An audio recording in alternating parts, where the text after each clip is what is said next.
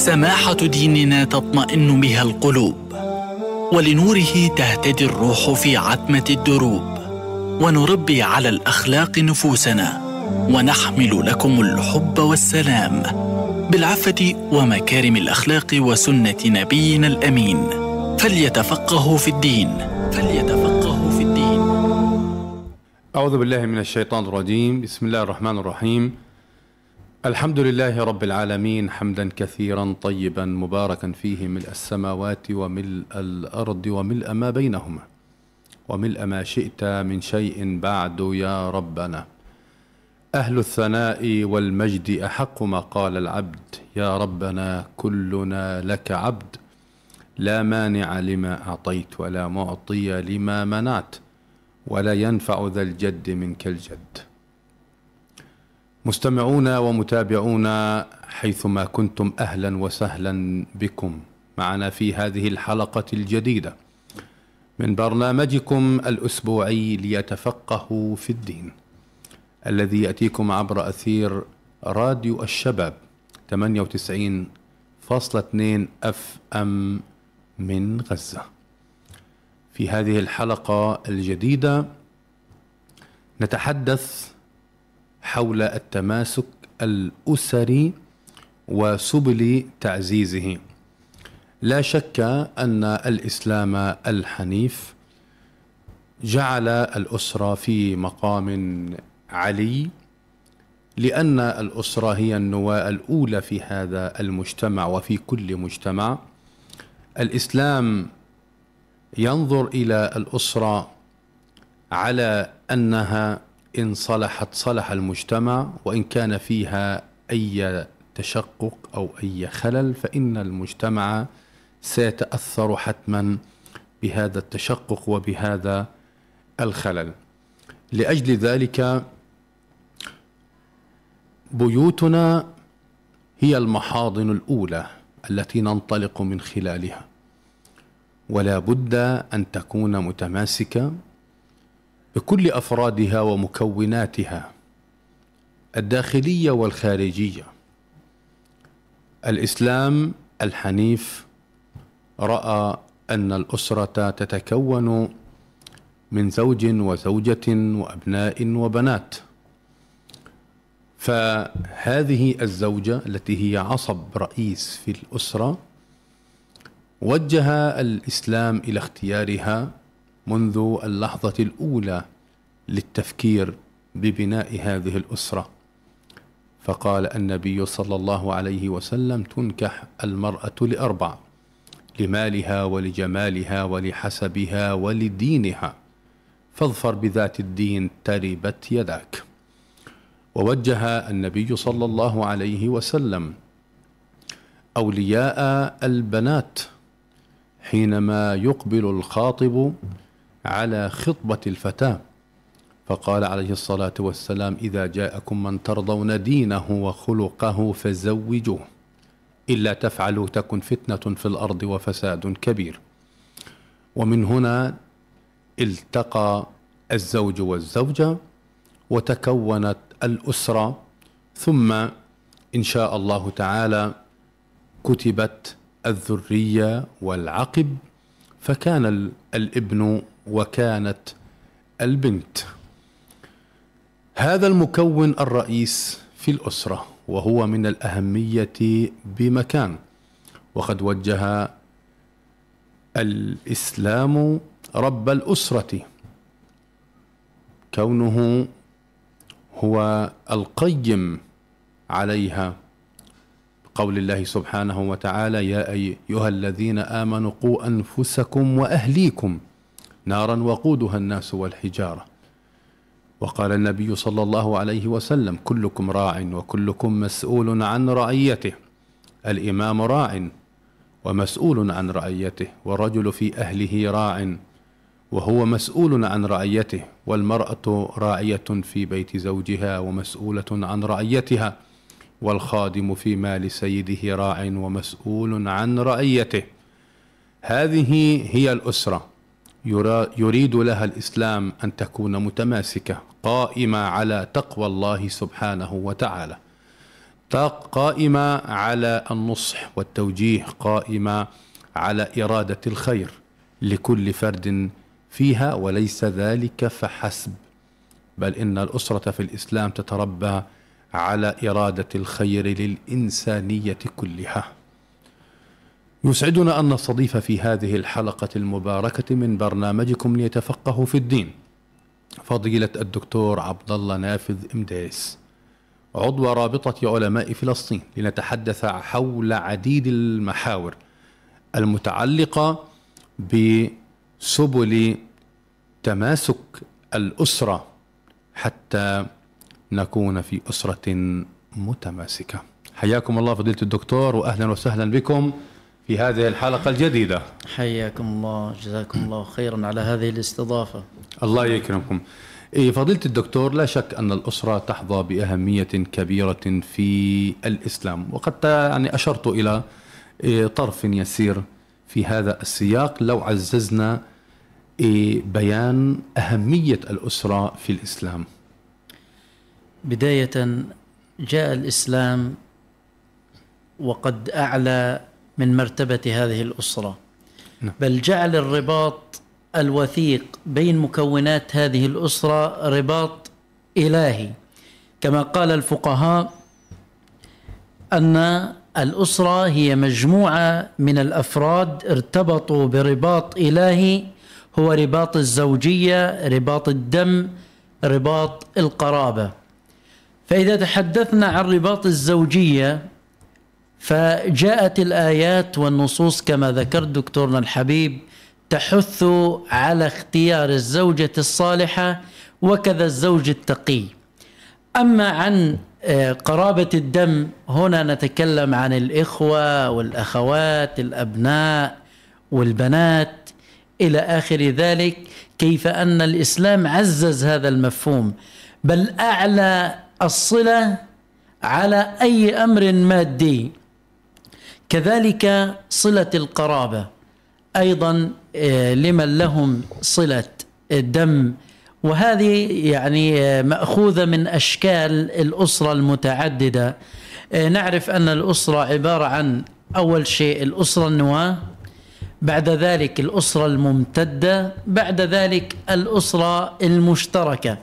نعم. أما عن الأسرة النواة الأب والأم الزوج والزوجة إلى آخر ذلك. الأسرة الممتدة بننزل شوية للأحفاد وما شابه. الأسرة المشتركة وكذا الأعمام في الأولى أو الثانية عفوا. وكذلك الأسرة المشتركة ما بين أعمام الأعمام وهكذا بينهم صلة قرابة في هذا الباب. فنعلم أن الأسرة أمرها عند الله سبحانه وتعالى عظيم. لذلك فالله تبارك وتعالى عندما جاءت الآيات المباركات لكل صنف من هذه الأصناف جاء ليعزز هذا المبدأ. فالأصل في ذلك طالما أن الإسلام حث على أهمية هذه الأسرة ينبغي أن يكون أمر نتاج ذلك ألا وهو التماسك العائلي أو يسمى التماسك الأسري. ولا يتأتى هذا التماسك إلا من خلال أول شيء أنه الأخ يكون مع أخيه ذا صلة وثيقة الزوج مع زوجته كذلك الابن مع أبيه والعكس إلى غير ذلك من هذه الأمور. طيب جميل فضيلة الدكتور يعني إحنا الخلاصة أن الأسرة تحظى بأهمية كبيرة في الإسلام منذ اللحظات الأولى لخطوات بناء الأسرة وإنشائها نعم. حينما نتحدث عن التماسك تماسك الأسرة لا شك أن هذا المكون الموجود في داخل الأسرة هو في الحقيقة هو مكون متناغم متفاهم قريب من من بعضه حيث إن الله سبحانه وتعالى بداية يعني قد من علينا وتفضل بأن جعل مثلا النواة الأولى للأسرة أن الزوجة هي من هي هي من الرجل أساسا. نعم. في قول الله سبحانه وتعالى يا أيها الناس اتقوا ربكم الذي خلقكم من نفس واحدة وخلق منها زوجها وبث منهما رجالا كثيرا ونساء. إيه، من هنا يعني بداية يعني خليني أقول إنه الله سبحانه وتعالى جعل في الأسرة من بداياتها من التكوين الأول جعل المقومات مقومات التماسك. إيه، إيه، حاضرا. نتحدث عن التماسك الأسري التماسك العائلي. المفهوم ومراده يا دكتور لو رجعنا شوية لمفهوم الأسرة أو معنى حتى الأسرة. نعم. الأسرة من الأسر من الربط. نعم. فهذا الأمر عندما سميت أسرة آه، لكي تربط ما بين أعضائها كأنه لا انفكاك بعد ذلك جميل يعني مثلا الأخ قالوا قديما رب أخ لم تلده أم لكن نعم. هو صاحب ممكن يجي وممكن غيره وممكن غيره لكن الأخ هل في وقت من الأوقات ممكن يتخلى عن أخيه أو مثلا يتبرأ عن أخيه حتى لو تبرأ منه يقول هو فلان أخو فلان حتى لو نعم. أعلن في الجريدة نعم. وكذلك الإبن مع أبيه والأب مع ابنه وهكذا فنرجع لأن التماسك الأسري هو العلاقة الأسرية الناجحة التي تقوم على التفاعل الدائم بين أفراد الأسرة جميعا في تفاعل دائم ما في منغصات ما في أشياء ممكن تعمل على يعني هدم هذا المكون الأساس لهذا المجتمع. إيه، إذا تهيأ هذا الأمر تهيأت لنا الحياة الاجتماعية تهيأت لنا الحياة الثقافية تهيأت لنا الحياة الدينية إيه، تهيأت لنا الاحتياجات اللازمة في حياتنا جميعا. فبالتالي هذه الأسرة ما دام أن التماسك هو الأساس فيها معنى ذلك أن هذه الأسرة بإذن الله سبحانه وتعالى أسرة ناجحة. في حين لا سمح الله ولا قدر الله حصل أي نزغ وقد يحصل وموجود واقع لكن انظر إلى تلك العائلة التي فيها يعني هذا النزغ تلقى أن هذه هذه العلاقة وهذه العائلة هي عائلة فيها يعني شرخ كبير جدا لأنه أي خطأ في هذه المنظومة خطأ قاتل أي نعم. خطأ في هذه المنظومة خطأ قاتل فبالتالي إحنا مع أنه نعلي من قيمة الصلة على المادة وللأسف الشديد أنه اليوم اللي بيؤدي لهدم هذه الأسرة ربما الجانب المادي في هذا الباب وسنتحدث عنه إن شاء الله رب العالمين. جميل إحنا إذا إحنا بنتكلم عن التماسك هل ممكن أن نجد مؤشرات إيه، مجتمعية تشير إلى أسرة ما بأنها أسرة متماسكة أو أسرة إيه، غير متماسكة؟ عندما تجد المودة نعم. عندما تجد المحبة نعم. بين أبناء هذه الأسرة. يعني المؤمن للمؤمن كالجسد الواحد. إذا اشتكى منه عضو تداعى له سائر الجسد بالسهر والحمى. هذا بين المؤمن والمؤمن. بالعموم. من باب أولى الأخ مع أخيه الابن مع أبوه وهكذا. إيه، نصل لمرحلة أنه المودة والترابط ما بين أفراد هذه الأسرة هذا هو سر نجاح وتماسك أي أسرة. كذلك في أمر آخر. نعم. التعاون. التعاون ما بين أفراد هذه الأسرة. يعني جماعة أسرة كاملة آه، يريد أن يتزوج أحد أبنائها. عندما يقف الجميع عند مسؤولياته الحمل بخف الأمور بتكون تمام. بل أمام الناس إنهم آه، متماسكين عند الناس متعاونين. وهذا بيعطي مؤشر اللي في أساسه يريده الله ويريده رسول الله صلى الله عليه وسلم في هذا الباب والمؤشرات في ذلك كثيرة جدا. جميل. يعني أنت أشرت إلى يعني أمرين مهمين وهما وجود المودة وجود التعاون الترابط إيه، صورة الأسرة بين الجيران أو في إطار العائلة نعم. إيه، الواحدة إنه يعني عفوا إيه، فلان وأبنائه وبناته يعني دائما حوالين بعض بودوا بعض. نعم. ما عمرهم اختلفوا مع بعض ما عمره صار مشكلة. إيه، مشهور إنه فلان في الأسرة آه والله يا عمي هو كبير هو كبير فعلا لأنه مثلا يعني إيه، بيسامح إيه، بيصفح إيه، يتجاوز. آه لا يقف على التفاصيل إيه، كثيرا. إيه، قريب من إخو من إخوانه قريب من أخواته. يعني هذه كلها يعني كلها مؤشرات إيجابية ما لهم مشاكل مع الجيران. نعم. لأن المشكلة اللي فيها تصدع داخلي أيضا بينعكس على الجيران وعلى قد يكون أطراف في العائلة أو أطراف أخرى. ال- الأسرة الأكثر إيه، التئاما أكثر مودة أكثر محبة ترابط إيه، تعاون. هي أيضا يعني حتى لما بصير خلاف في مع الجيران أو عائلة أو في أي مقام من مقامات الحياة تجد الكبار تجد أن العائلة تتماسك من أجل انصر أخاك ظالما أو أو مظلوما. قالوا يا رسول الله يعني مظلوم عرفناها. بندفع عنه الظلم. طب وظالم كيف ننصره؟ فنرد نرده ليكون على الجادة. هذه قضية مهمة جدا في قضية تماسك الأسرة. فضيلة الدكتور لو دخلنا قليلا في داخل الأسرة الآن وتكلمنا عن يعني أمر مهم جدا في قضية الترابط مرتبط بقضية رأس الأمر في الع... في الأسرة وهو الأب والأم. بمعنى العلاقة ما بين الأب والأم من جهة وما بين الأولاد بشقيهم الذكور والإناث من جهة أخرى. ولا شك وإحنا بنتكلم عن هذا ال- الموضوع. بنتكلم آه، بصورة ع- يعني أولية عن بر الوالدين. صحيح. آه وفي المقابل لما بنتكلم عن بر الوالدين لا نغفل بر بر الأبناء. بر الأبناء. نعم. نعم. دكتورنا الحبيب يعني عندما جاء الإسلام جاء وعزز مكانة الأب.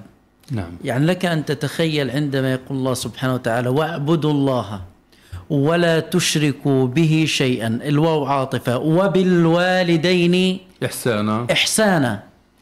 معنى ذلك أنه من أعلى العبودية أن يكون الإنسان بارا بأبيه نعم. وبارا بأمه. وفي المقابل ألا أنبئكم بأكبر الكبائر؟ قلنا بلى يا رسول الله. قال الإشراك. بالله وعقوق الوالدين. يعني أمر العبادة وما خلقت الجن والإنس إلا ليعبدون ومن أعظم العبادة عبادة الله ومن ثم إرضاء الوالدين. وفي المقابل لما نيجي أكبر الكبائر عند الله سبحانه وتعالى الإشراك بالله يليها مباشرة عقوق الوالدين. فلما نتحدث عن بر ال- الوالدين إنما نتحدث عن وصية الله سبحانه وتعالى لعباده ووصينا الإنسان بوالديه إحسانا. هذه وصية ربنا سبحانه وتعالى. ولا تقل لهما أف أف نفس. نعم. وليست يعني كلمة. هذه دلالة على أنه أي شغلة ممكن تسيء فيها للوالدين قد تنقلب وبال وخسران. بل يعني هذا الأمر إن فعله الإنسان خاصة فيما يتعلق بعقوق الوالدين. آه، أشكال البر كثيرة جدا. أشكال العقوق موجودة لكن يغلب على مجتمعنا بفضل الله سبحانه وتعالى. البر؟ البر. الحمد لله رب العالمين. وهذه وهذه دلالة قوية جدا. بل إنه من التماسك والترابط يعني بر الوالدين اللي موجود آه، عندنا كمجتمع. من فضل الله سبحانه وتعالى لأنه في احترام الكبير احترام الأب احترام الأم هذا من فضل الله سبحانه وتعالى علينا. فلذلك أقول إنه بر الوالدين هو من أعظم القربات عند الله تبارك وتعالى. كذلك عقوق الوالدين هو من أعظم الحرمات نعم. عند الله سبحانه وتعالى. إنسان يا دكتور يعني بيرفع محكمة على أخوه. قال ليش؟ قال يريد أن يأخذ أمه عنده. هذا عمره خمسين والثاني سبعين رافعين محاكم على بعض. مين بده يأخذ أمه عنده؟ هذه يعني دلالة بر. إيه، أيهم يريد أن يعني يقوم على خدمتها؟ علموا أن الجزاء عند الله جزاء عظيم. نعم. فيعني تنافسوا في ذلك. ومن الناس على وجه العقوق من يعق والديه على أتفه الأسباب. لكن لا نريد أن نعرج على ذلك كما ذكر دكتورنا الحبيب لأنه من فضل الله سبحانه وتعالى علينا كمجتمع أنه يعني الغالب والأغلب بفضل الله تبارك وتعالى آه، يبر أباه وأمه وهذا من فضل الله علينا. خلينا نتكلم هيك ببعض ال- ال- الصور اللي من خلالها يعني نثبت آه، بر الوالدين. لا شك هي صور أكبر من أن آه، تحصى. تحصى. لكن خلينا هيك يعني نذكر بعض الصور التي يعني تعبر عن بر الوالدين. أول شيء إظهار المحبة والتودد لهم. نعم جميل. هذا يعني من الأمور ال- المستحبة في ذلك.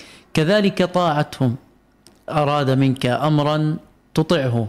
ما لم يكن في أمر كفر فلك أو حرام. أو حرام إلى حرام. غير ذلك. آه، كذلك من الأشياء يعني اللي آه، يحبها الوالدين. أن يرى أثر نعمة الله سبحانه وتعالى على ولده. ومن آثار نعمة الله على الأولاد في أثر عظيم. أثر تربيتهم لإلك. بدهم يشوفوه مع تعاملك مع أخوك مع تعاملك مع أختك. نعم. هذه الأشياء بتزيد البر عند ال- الوالدين رغم إنه ممكن يتناساها بعض الناس لكن هي مهمة. حيقول لك أنت ترباتي. طيب كيف علاقتك مع أختك؟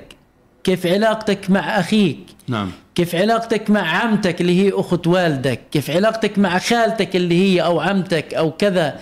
إلى آخر ذلك. يعني الأب يا دكتور نعم. أو أو الأم بده المكون اللي حواليه المنبثق عنه أو هو جزء منه نعم. سواء كان ابن أو بنت أو حفيد أو حفيدة أو أخ أو أخت أو أب أو إيه، أو أم المكونات نعم. المحيطة بالوالد أو الوالدة إيه، بده يشوف أيضا ال- البر اللي بيشوفه من ابنه تجاهه أيضا يعني إيه، بيصل إلى هذه الأطراف بمعنى إنه إذا كان الابن وقع في خلاف مع البنت فإن الأب والأم بدون أدنى شك سيحزنهما ذلك. صحيح. فيصبح من العقوق. صحيح. وفي مفهوم المخالفة إذا كان العلاقة علاقة طيبة واح- واحترام متبادل وتعاون وما إلى ذلك فهذا بر أيضا بالوالدين.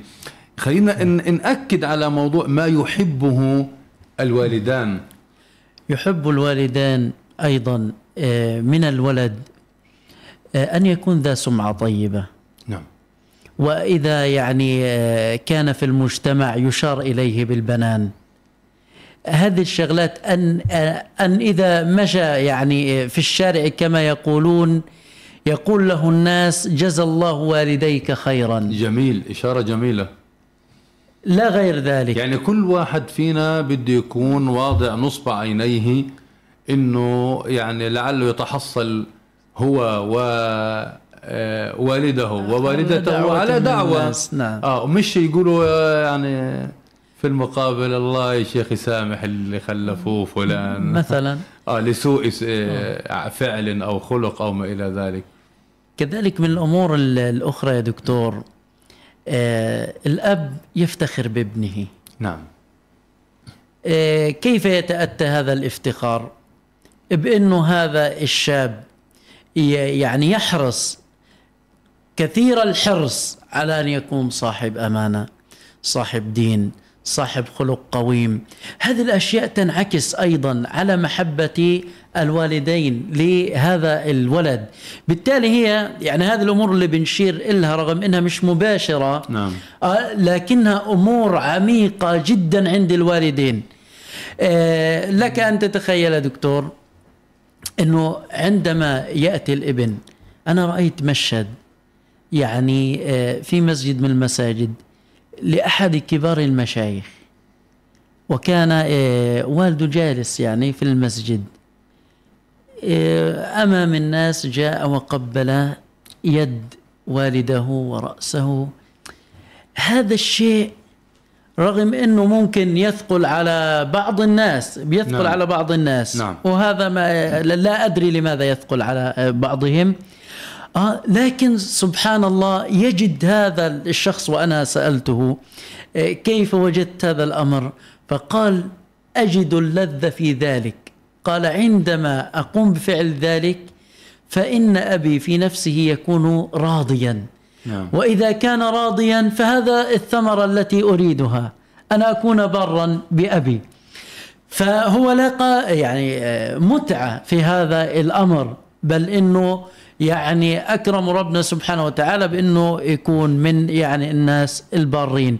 فهذه من الأشياء التي تستدعي. الدعاء, الدعاء يا دكتور.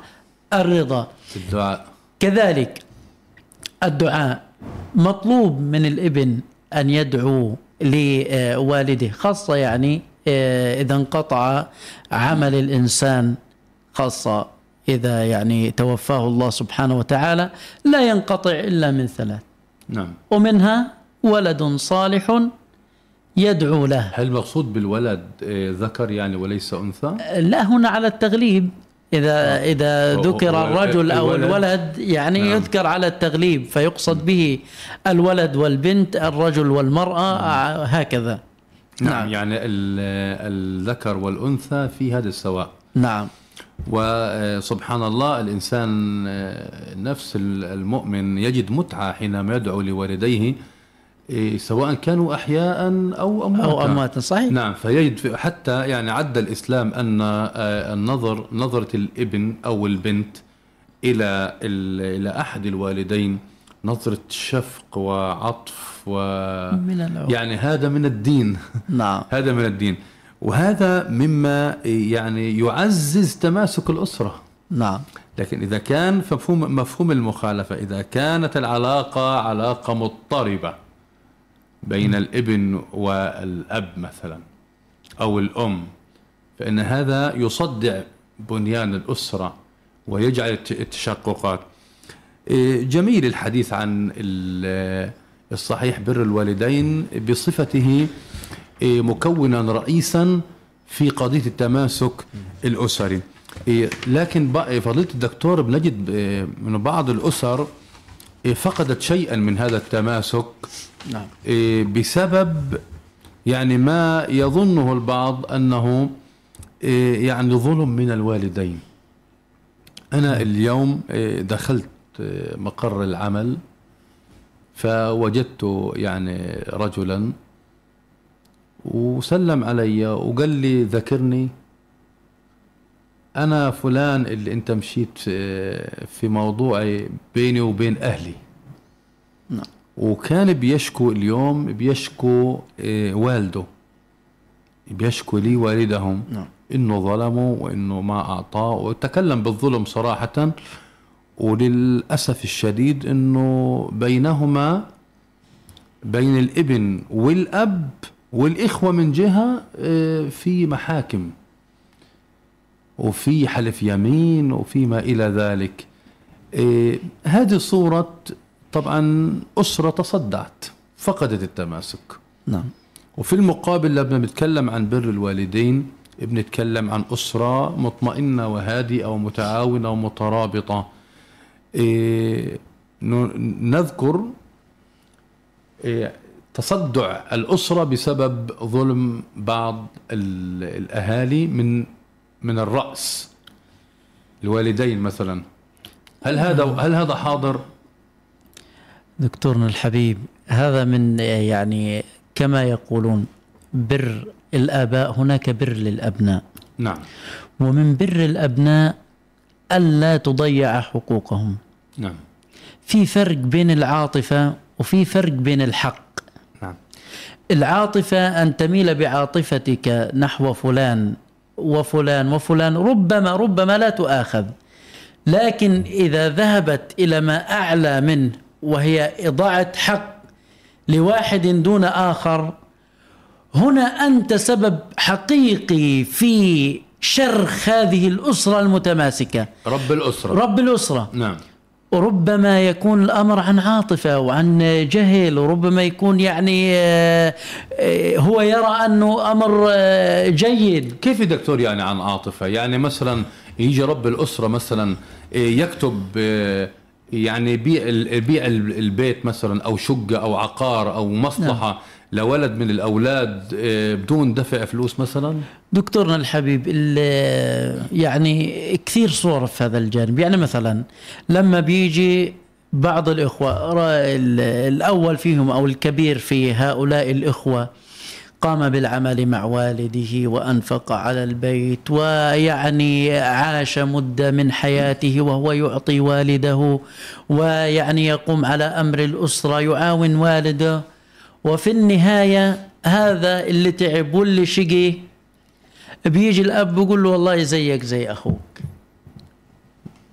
هذا يعني هذا ظلم. هذا ظلم. هذا ظلم اللي ظلم تعب حقيقي اللي تعب واشتغل ووضع في الأسرة وكان نعم. ياخذ الراتب ويحطه في إيد أبوه يجي أخوه اللي أصغر منه ب 20 30 سنة ويقول له أنا زي اللي زيك. اللي تركه أبوك لك ولأخوك هذا هو هذه من الأشياء يعني خلينا أقول 90% دكتور كيف بدنا هذا نوجه. كيف بدنا نوجه الآباء في هذا الموضوع بالذات يعني خلينا ناخذ مثال هاي الحالة تمام. ما بدنا نظلم الولد اللي بدأ حياته إيه ودراعه على دراع أبوه وبدفع وبيشتغل وبحط في الأسرة وما بين أيضا أخوه صاحب حق اللي نعم. يعني ما لا ليست له هذه الامتيازات من العمل وال- والمساهمة. فقط بالتوثيق يوثق لهذا جهده وتعبه. آه، يوثق له إنه مثلا عمل كذا. ويعني أقام على أمر كذا. نوثق هذا الأمر خلاص ما في مشكلة. بل هو يكون راضي والأخ راضي. وعندما يعرف أن الأخ قد دفع ربما بعض الناس ما يعني لم يرى آه، أثر النعمة اللي كان الأخ هذا الكبير يعطيها لوالده. وبعض الناس كان يقول لك أنا والله ما أنت ما أعطيتنيش. عند بتيجي تقسم ميراث أنت أعطيت أبوك. نعم نعم. شوف برضو إسفاف هذا. صحيح. يعني هذه هذه مشكلة ثانية كمان. فيها نوع من من عدم ال- الاحترام والتقدير. لا إحنا بدنا نصل لمرحلة إنه الآباء يعني يرحموا أبنائهم. نعم. كيف رحمة الأبناء؟ اللي تعب واللي له شغلة توثق. نعم. اللي ما له شغلة وما تعب إيه، من مالك يهناله؟ ما في مشكلة. نعم. زيه زي إخوته هكذا. طبعا من الصور الأخرى إنه أنا والله بحب زيد.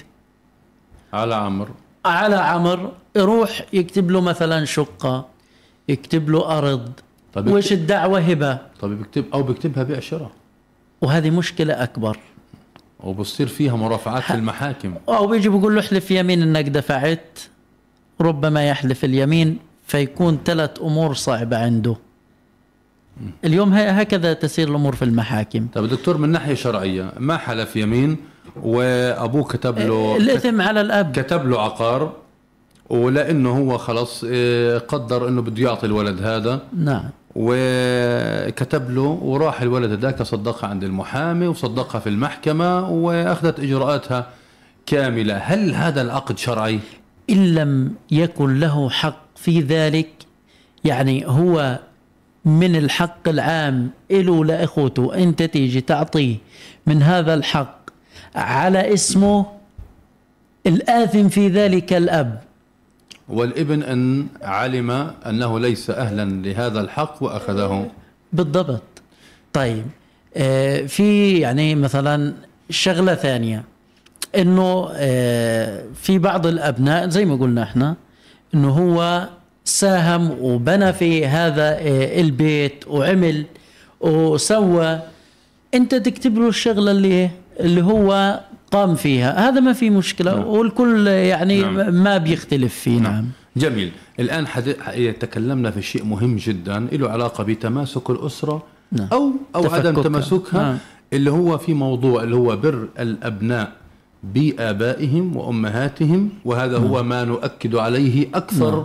صحيح. من اللي هو بر الآباء والأمهات بالأبناء مع أهميته لأن القرآن الكريم في كل هذا السياق ما تكلم إلا عن بر الأبناء بالآباء ولم يذكر إلا مرة واحدة في قول الله سبحانه وتعالى يوصيكم الله في أولادكم. الآن ننتقل إلى محور آخر رئيس ومهم جدا وهو الزوجية.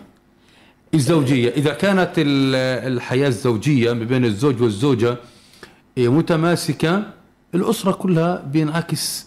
وإذا كانت لا سمح الله يعني فيها خلل فالخلل بينعكس على التربية وعلى التوجيهات وعلى كل شيء. جميل جدا. وهذا يعني ال- الكلام الذي أريد أن أتكلم فيه مرتبط يعني بهذين الأمرين الأول والثاني.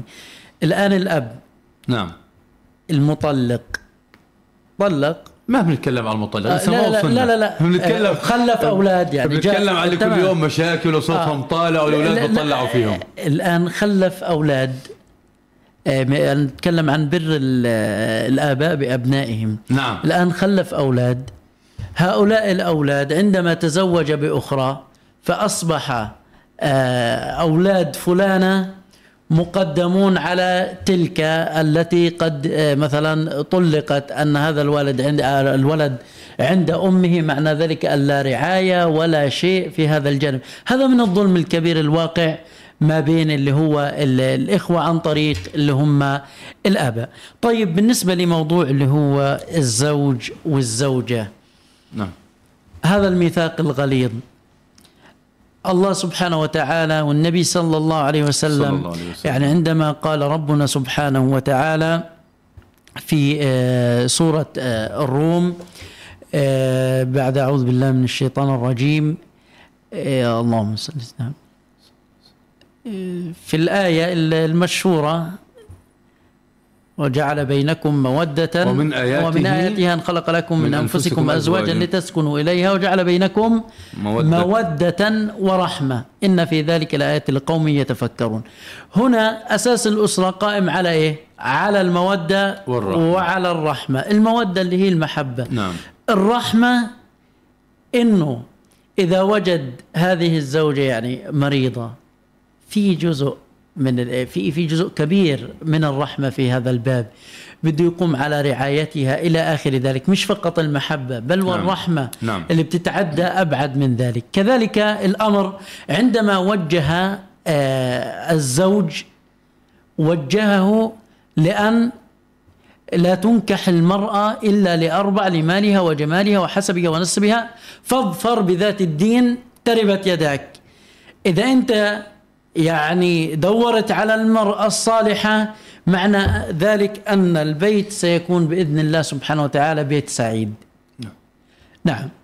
وكذلك وجه ولي الفتاة إن جاءكم من ترضون دينه وخلقه فزوجوه إلا تفعلوا تكن فتنة في الأرض وفساد عريض أو فساد كبير كما في الرواية الأخرى. فهذا بيعطينا إشارة دكتورنا الحبيب على أنه الله سبحانه وتعالى جعل هذا الميثاق ميثاق الزوجية ميثاقا غليظا. حتى لا سمح الله إن يعني آه، تصدعت الأمور فيما بينهم فهناك حل لكنه يعني يكون الحل الأخير في ذلك اللي يسمى الطلاق أبعد الله عنا وعنكم شره اللهم آمين, آمين. نعم. طيب ال- الآن ال- خلينا نتصور حالة آه، زوجين.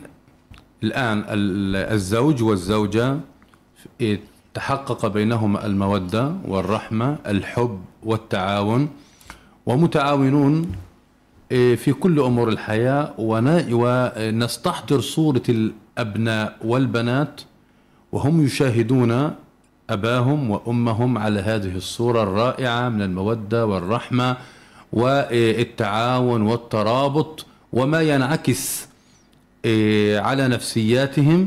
ونستحضر في المقابل الصورة الأخرى إيه، زوج وزوجة إيه، دائما في حالة تنافر دائما في حالة صدام. الاحترام غير حاضر بالصورة الكافية بين الزوجين. صوتها بيعلى عليه. هو يعرضها للسباب للشتم إيه، ودائما يعني نستحضر صورة هذا المشهد عند الأولاد من الذكور والإناث. هم قاعدين بيشوفوا أبوهم وأمهم اللي بيسب واللي بيزعق واللي بيهلل واللي أنت غلطانة واللي أنت غلطان واللي اطلعي برا واللي روح جوا والكلام هذا كلياته. انعكاسه على تماسك الأسرة أو في الصورة الثانية اللي هو التفكك دكتورنا الحبيب استقرار الأسرة ما بين الزوج والزوجة مباشرة ينعكس استقرار على الأبناء نعم. واستقرار أيضا على المجتمع لأنه اللي عنده عنف أسري وين راح يفرغ هذا الابن بعد ذلك؟ راح يفرغ في في المجتمع.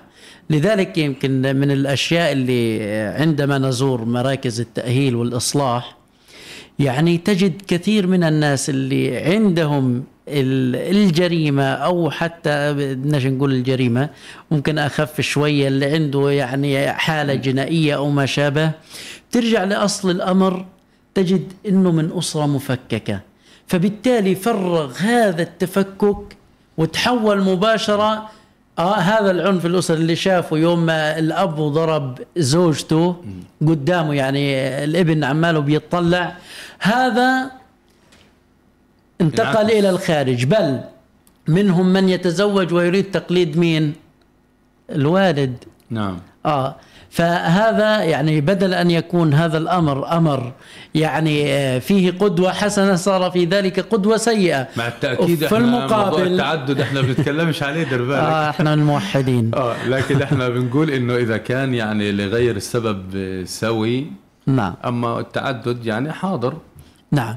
آه، في المقابل يا دكتور لما نتكلم عن أسرة متماسكة أسرة يعني آه، عندها من الاستقرار هذا الاستقرار آه، يريد أن يكون الإبن مثل والده.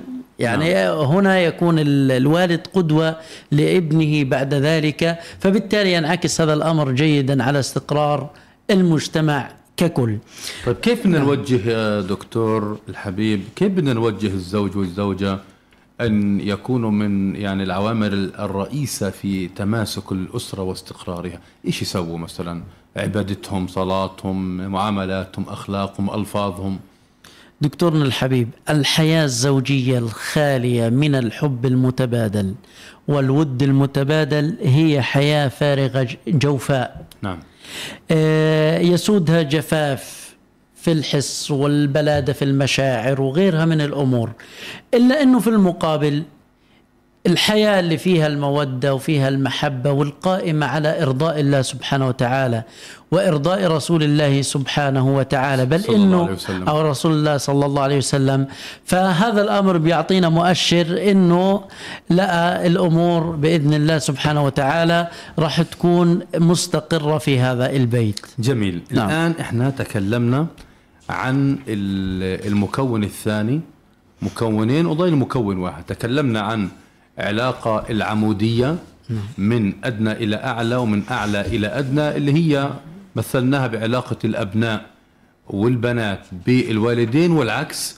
وتكلمنا عن علاقة رأسية خالصة ما بين الزوج والزوجة وانعكاساتها الإيجابية أو السلبية على تماسك ال- الأسرة الآن المكون الثالث في الأسرة اللي هو العلاقة الأفقية في القواعد المتعلقة باللي هو الأ- الأولاد من نعم. ذكور و...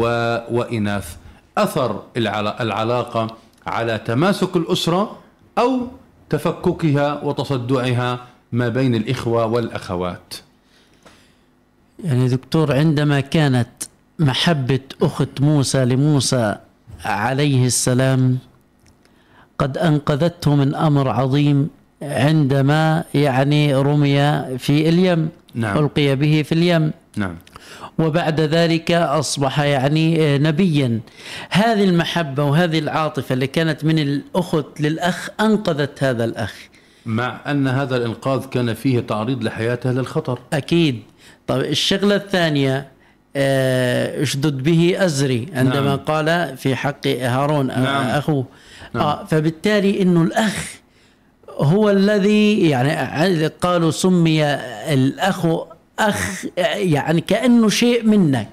إذا أحسست بالتعب كأنك تقول أخ فهو الذي يسندك فهو الذي يكون معك في الملمات هو الذي تأتي إليه حين يعني يكون عندك أمر عظيم آه، قد لا تستطيع أن تقوم بحله هو الذي يقوم على حل هذا الأمر.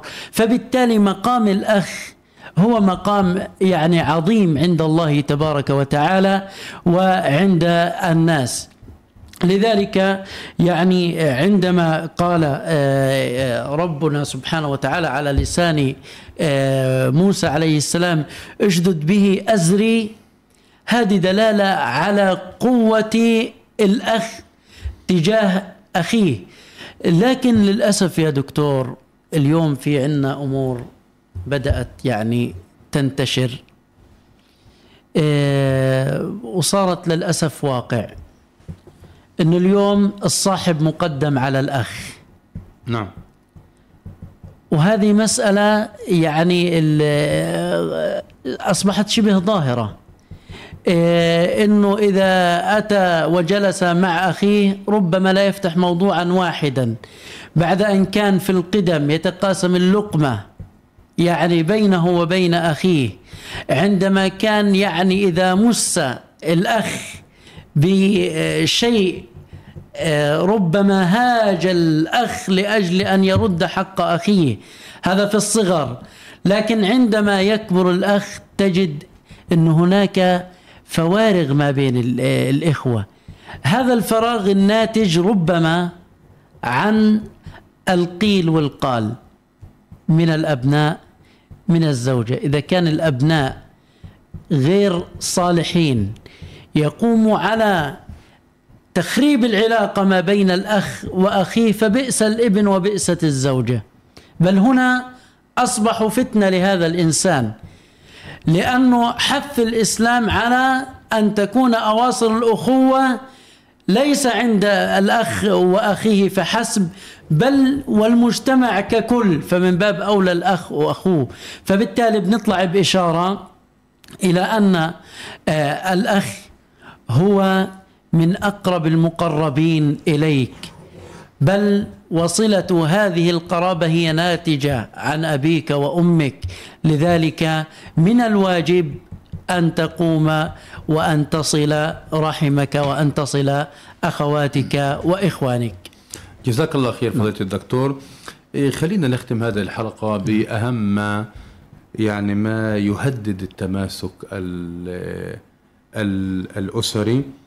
إيه، لا شك يعني خلينا أذكر بعض الأمور في هذا السياق وأركز على الوازع الديني. ضعف الوازع الديني لا شك أنه يؤثر تاثيرا كبيرا إيه، في إيه، تماسك الأسرة ويعني يجعل التفكك أو يجعل عدم الاستقرار في داخل الأسرة يعني حاضرا ولا سيما أن الوازع الديني هو الذي يعني يعزز بر الوالدين هو الذي الذي يعزز مفهوم العلاقة والترابط بين الإخوة هو الذي يعزز إعطاء كل إنسان آه، حقه هو الذي يعزز العدل وعدم الظلم هو الذي يعزز الألفة والرحمة والمودة الحديث عن الوازع الديني في ودوره في تماسك الأسرة وعدم آه، تصدعها.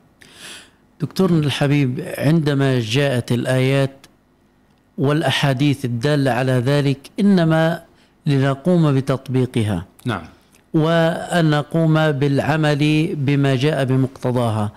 فبالتالي إذا آه، ليس هناك عمل بهذه الآيات وهذه الأحاديث وما جاء به الإسلام معنى ذلك أنه آه، ما هنا ليس هناك وازع ديني فبالتالي يهون هذا الأمر رغم أهميته في الدين إلا أنه إذا ذهب الوازع الديني يهون هذا الأمر، فبالتالي النتيجة ستكون نتيجة عكسية في هذا الأمر، ستنعكس على المجتمع سلبا، بالتالي هذا التماسك اللي إحنا بننشده من خلال هذا الدين وهذا الإسلام راح يعني ممكن يكون بعد ذلك تصدع وتشرذم لهذه الأمة ولهذا المجتمع ولهذه الأسرة.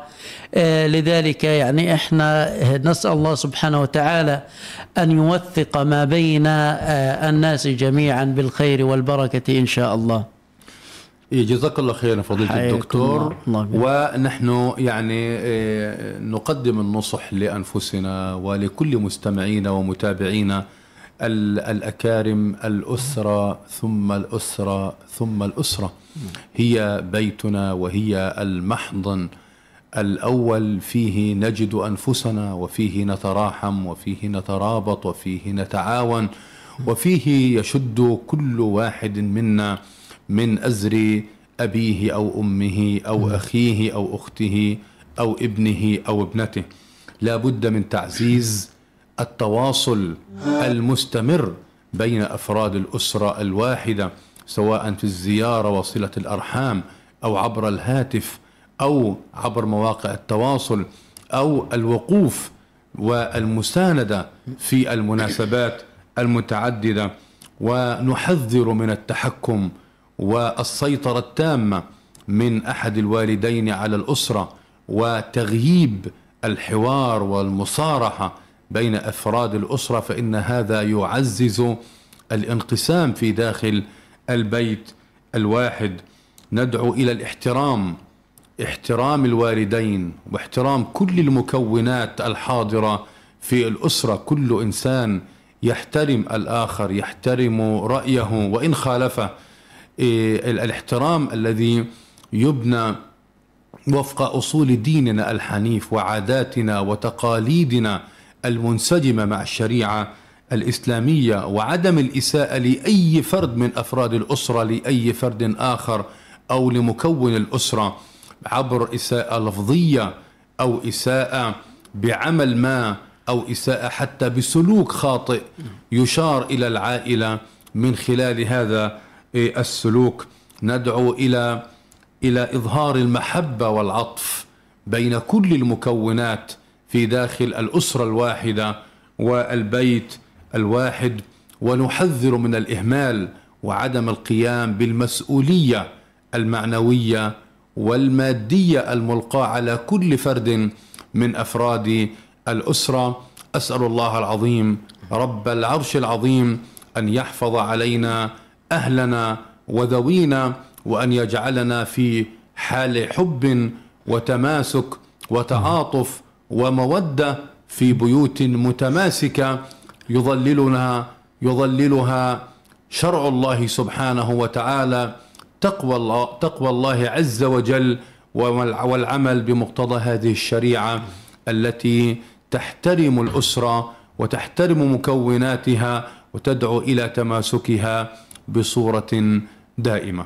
باسمكم جميعا أشكر فضيلة الدكتور عبد الله نافذ مدارس الذي ازددنا به شرفا في هذه الحلقة ضيفا كريما والتي كانت بعنوان التماسك الأسري وسبل تعزيزه.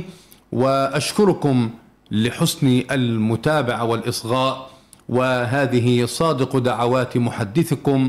معد هذا البرنامج الدكتور محمد كمال سالم. لكم في بيوت آمنة مطمئنة وأسر تجدون أثر خيرها يوم لقاء الله سبحانه وتعالى. ومن قبل في هذه الحياة الدنيا على أمل أن نلقاكم في الحلقة القادمة وأنتم في اهنأ بال وصلاح حال. والسلام عليكم ورحمة الله تعالى وبركاته. سماحة ديننا تطمئن بها القلوب ولنوره تهتدي الروح في عتمة الدروب. ونربي على الأخلاق نفوسنا ونحمل لكم الحب والسلام بالعفة ومكارم الأخلاق وسنة نبينا الأمين. فليتفقهوا في الدين. فليتفقهوا